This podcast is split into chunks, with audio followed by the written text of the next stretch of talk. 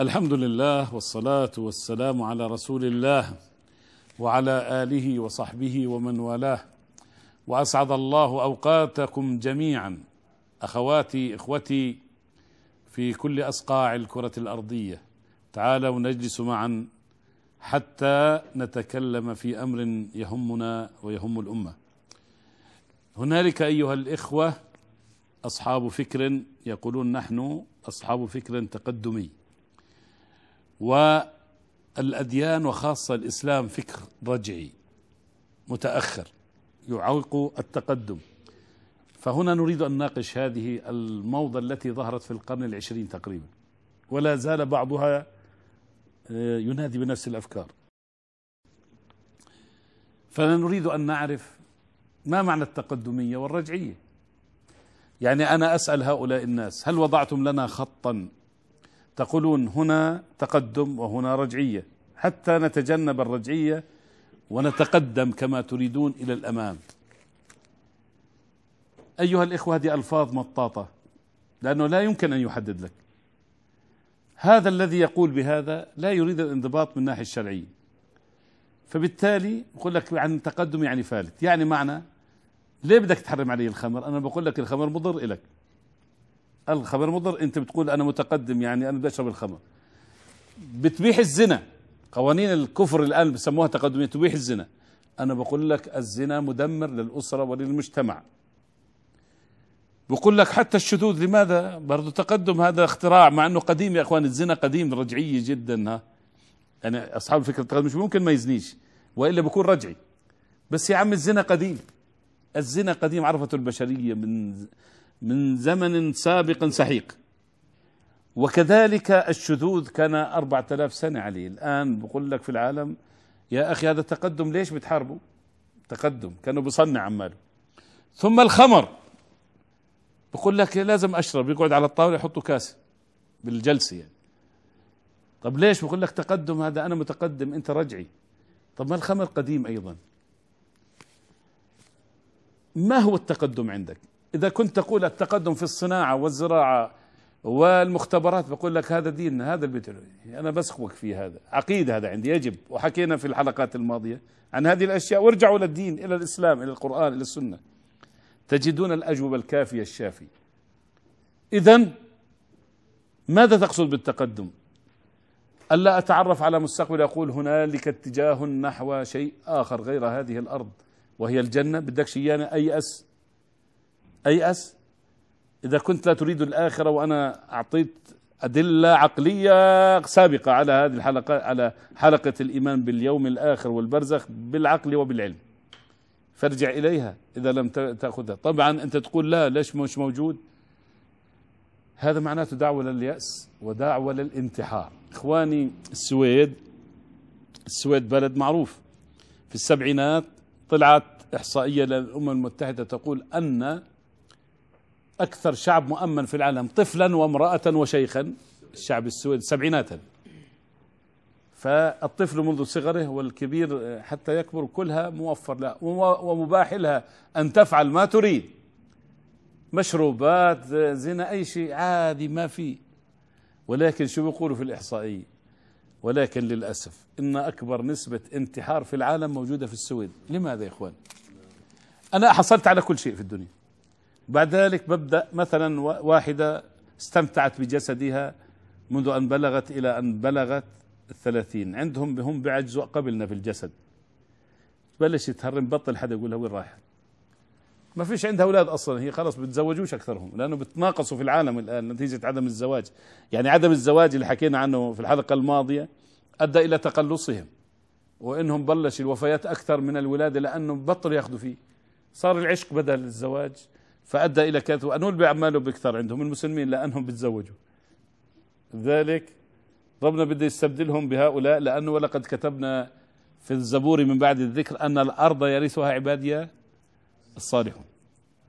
هذا العباد الصالحين المؤمنين يعني بدهم يورثوا الأرض. هذا بموتوا عمل بيقعدوا محلهم بتكاثروا خايفين منهم على فكرة. حتى اليهود خايفين من الفلسطينيين اللي اللي عاشوا بال 48 لأنه من مئة ألف صاروا المليون وربع الآن. وخايفين لانهم هم عقلية غربية اللي عند اليهود. هذا القنبلة السكانية بسموها. فإذا ماذا حصل في هذا الفكر؟ حكمنا إحنا كمسلمين حوالي 100 سنة الماضي.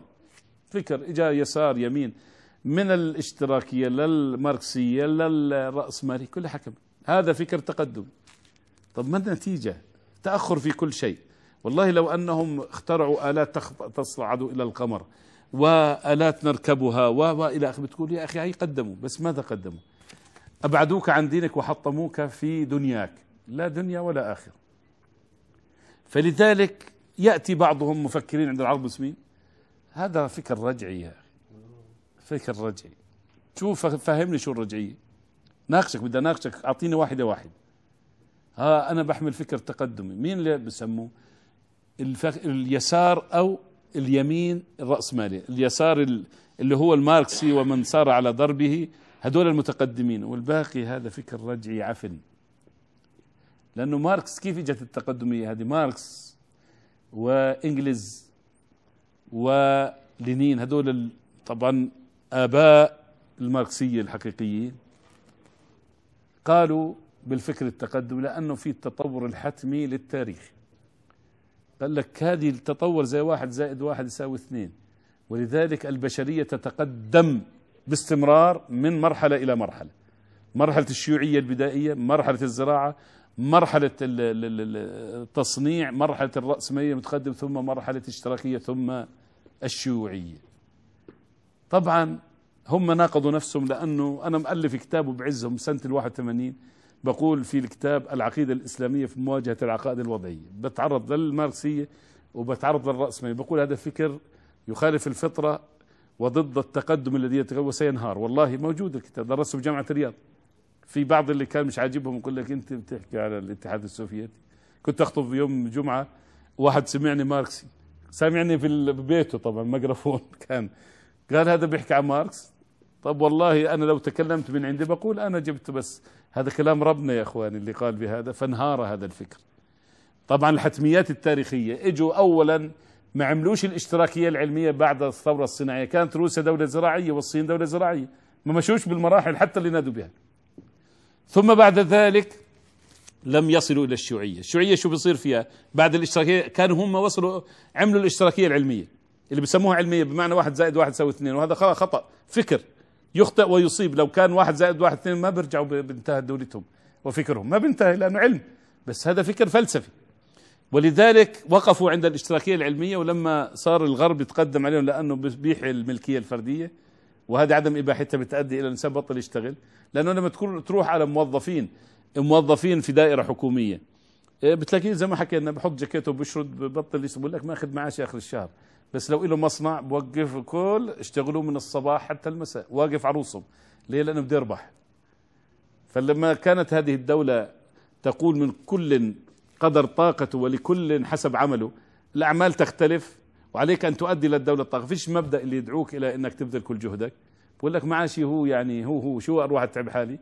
فالكل صار يهمل. كانوا يوردوا القمح للعالم من أوكرانيا صاروا يستوردوا القمح. حتى انهاروا. فيش عندهم. يعني صنعوا جميع أنواع الأسلحة بس ما قدروا يعيشوا. فانهار هذا الفكر ولأنه قالوا بدنا نصل لمرحلة من كل قدر طاقته ولكل حسب حاجته اللي هي مرحلة الشيوعية. أنت بتعطي الدولة كل ما تملك من جهد وبعد ذلك كل واحد بياخذ حاجته والحاجات متساوية تساوى الناس تنتهي العملة وتنتهي الدولة وكل شيء بصير بحبح والشيوعيه النسائية.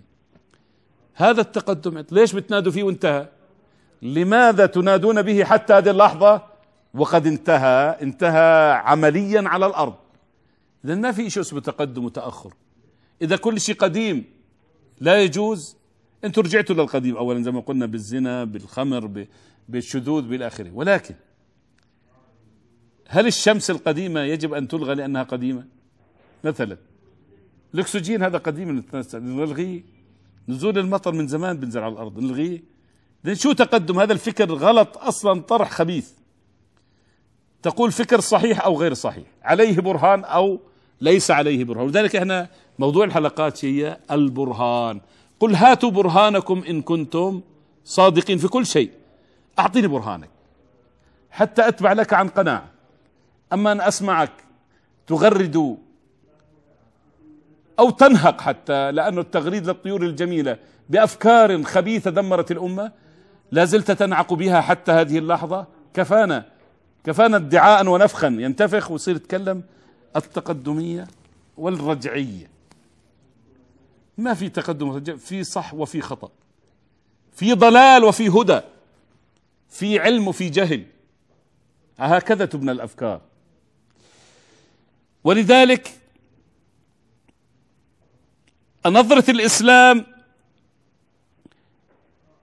لكل محدث هلا الحداثة بتسمع كلمة الحداثة. يعني إيش المحدث. الحداثة الحداثة ما هي من نفس الطراز هذا. طب بدنا نعرض كل شيء محدث على الإسلام الآن. الخبيث بنطرده برا وقلنا له أهل الاختصاص اللي بيقولوا به.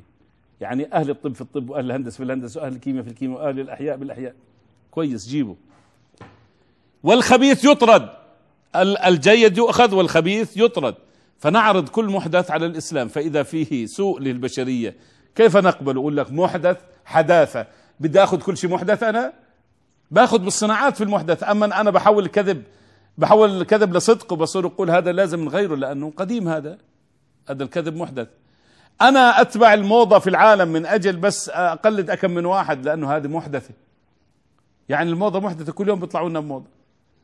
إذا قلنا عن طول طب بكرة بيجي على بال هذا اللي صنع الحذاء يقصره. يمكن يخليه يراجع لورا.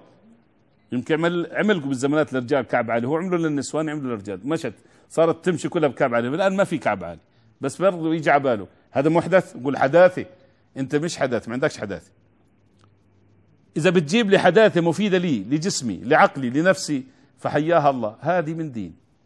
اللي هي قلنا الحكمة ضالة المؤمن فأن وجدها فهو أحق به. إذا الحداثة بهذا المعنى أقبلها. حداثة بمعناه اللي بده إياه. اعرض لي إياه. قل لي شو اللي أنت بدك تعرض لي في عندك طريقة جديدة لصناعة السيارة والطيارة والصاروخ وراحة الإنسان. حط لي إياه. طب بقيسها. آه والله مفيدة. الله يجزيك الخير. والله أحدثت لي شيء. جيد. من شو جيبوا لي كل اللي بيطرحوا هذه الأفكار يجيبوها يطرحوها علينا جميعا حتى نناقش. بعدين العجيب اللي دعوا للأفكار ما يسمى بالتقدمية أكثرهم من من غير المسلمين. يعني أنا لا أعرف واحد من اللي دعا للفكر الماركسي. يا يهودي يا غير مسلم يعني. أنا بديش أقول والله النصارى اللي عندنا اللي عايشين بينا أهلا وسهلا فيهم لأنه ما دام بيعتدوش يعني هذول عايشين في وطننا وإحنا وياهم أبناء. بس اللي بيطلع منهم ينادي لي بده يكفرني بالإسلام. أنت بتكفرني في ديني اللي هو أصلا إذا بدي أحرر فلسطين بحرره عن طريقي. إني بستشهد هلا الآن بيقاتلوا في العالم كله مجاهدين مسلمين مش ناس من هذا الطراز. إذا أنت جاي تكفرني بديني باسم تحرير فلسطين؟ هكذا والله أنا رأيتها وهي مصيبة كبرى كانت. هذا هدول فكر تقدمي. وجاي يتهجم على الإسلام. طب يا أخي احترم أهل البلد المسلمين يعني. إحنا بنحافظ على دينك. وبنحافظ على مالك وعرضك لأنه الإسلام طلب منا أن نحافظ عليك أنت في ذمتنا وما بيحبوش بعض الناس من غير مسلمين يقول لك تقول عني ذمي. شو ذمه لما تقول لي أنا عندي يا فلان أنا إلي عندك فلوس تقول لك بذمتي يا عمي. شتمت علي أنت بهذا؟ بتعرف شو معناته بذمة الحاكم والمحكوم؟ إنك ممنوع حدا يصيبك. ممنوع حدا يصيبك وبذمتي ممنوع حتى بديش أنا مسامحك من القتال. إذا الا إذا بدك بإرادتك. ما أنت مش مطلوب لأن هذا فرض زي الصلاة. بدوش إياها. هو غلطان. بس أنا بعملك ابن, ابن وطني. بحافظ على كنيستك بحافظ على كنيسك إذا كنت يهودي مش ما مش ضارني مش متأمر مع اليهود علي.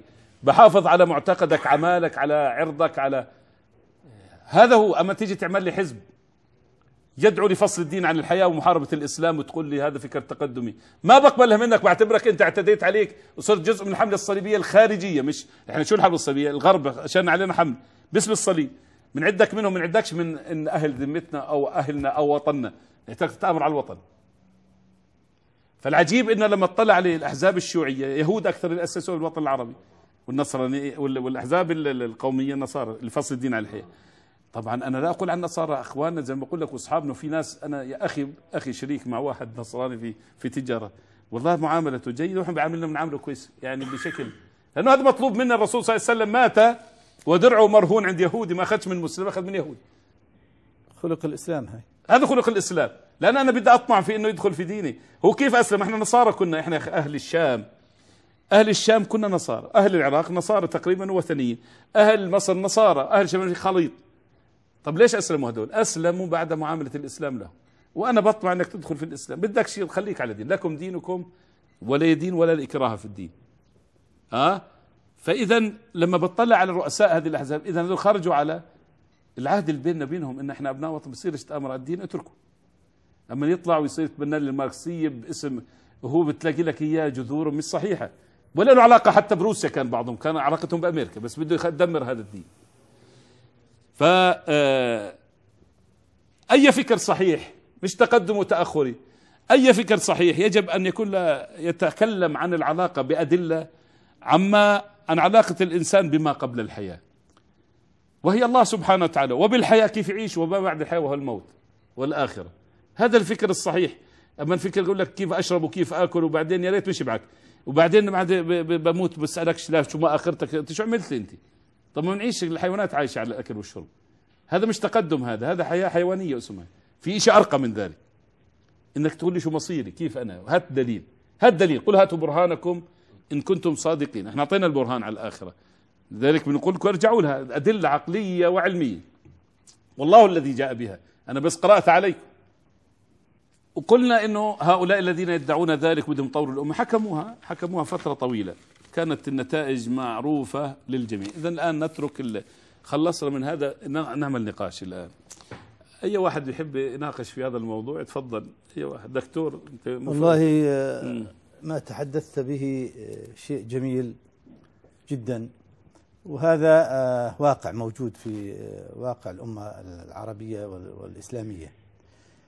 أنا بعتقد سبب التيارات هذه ونموها في المجتمعات العربية والإسلامية بشكل خاص وخاصة مع بداية القرن العشرين وجود فراغ فراغ ثق- ثقافي فراغ تنويري يعني الأمة العربية والإسلامية وخاصة في منطقة الشرق الأوسط كان هناك فراغ ثقافي نتيجة المرحلة التي مرت بها سابقا وابتعادها عن عن مركز الدولة ال ال ال الإسلامية اللي هي كانت في إسطنبول.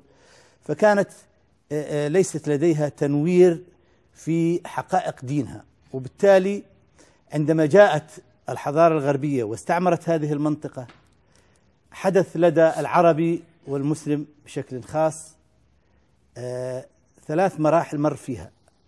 مراحل مر بها. المرحلة الأولى وهي مرحلة الإعجاب بالحضارة الغربية. أعجب. شاف اختراعاتهم وصناعاتهم وتطورهم فأعجب بها. نتيجة وجود الفراغ عنده. ثم تطور الإعجاب إلى انبهار. فانبهر بهذه الحضارة وعندما ينبهر الإنسان بشيء يقلده. فمر بالمرحلة الثالثة وهي التقليد. فبدأنا نقلد الآخرين حتى في أفكارهم اللي تفضلت بها وهي الأفكار سواء الشيوعية أو أو أو أفكار العلمانية. واعتبرها هي مفتاح الحضارة والحداثة للمستقبل. نتيجة نقص فينا ونقص في في علمائنا وتوعيتنا ال- ال- القيمية المرتبطة بعقيدتنا. هذا النقص هو سبب هذا الابتعاد. الآن لدينا في المرحلة الحالية أنا بعتبرها فيها مرحلة تنوير ووسائل الإعلام المتوفرة حاليا. ساعدت في تنوير المسلمين عندما تشاهد على التلفاز كثير من الأخوة خاصة في بلاد المغرب العربي أو في البلاد البعيدة عن عن عن آه، قا- القاعدة الإسلامية. تجدهم يسألوا أسئلة فقهية يعني بسيطة جدا ولا نلومهم لأنهم تغربوا في ثقافتهم وبدأوا يسألوا وهذا أنا بعتبره آه، آه، مقياس إيجابي على أن هناك تطور وهناك رغبة في العودة إلى أصول الأمة وإلى حضارتها وإن شاء الله هذا يعني ليس ببعيد أن تصل الأمة إلى ما آه، تسمو إليه وشكرا. الله يجزيك الخير دكتور.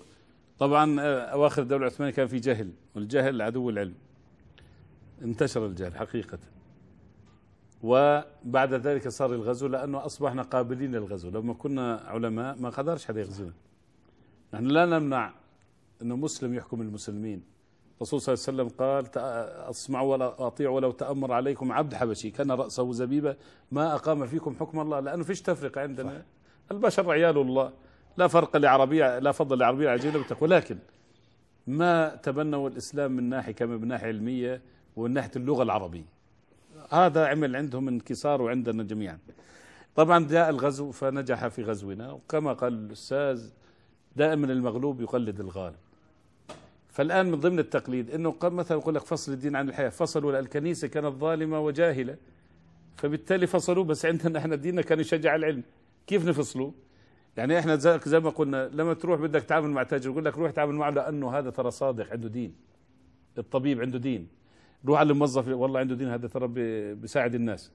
إذا الدين مربوط في المعاملة. فتقول فصل الدين عن الحياة شو معناته الحياة صارت في جهة صار ذئب الانسان فهذا المفهوم عند الغرب كان ناجحا لأنه كان خرافات وخزعبلات. بس عندنا كيف بتطلبوا منا بتطلبوا فينا بهذا الشيء؟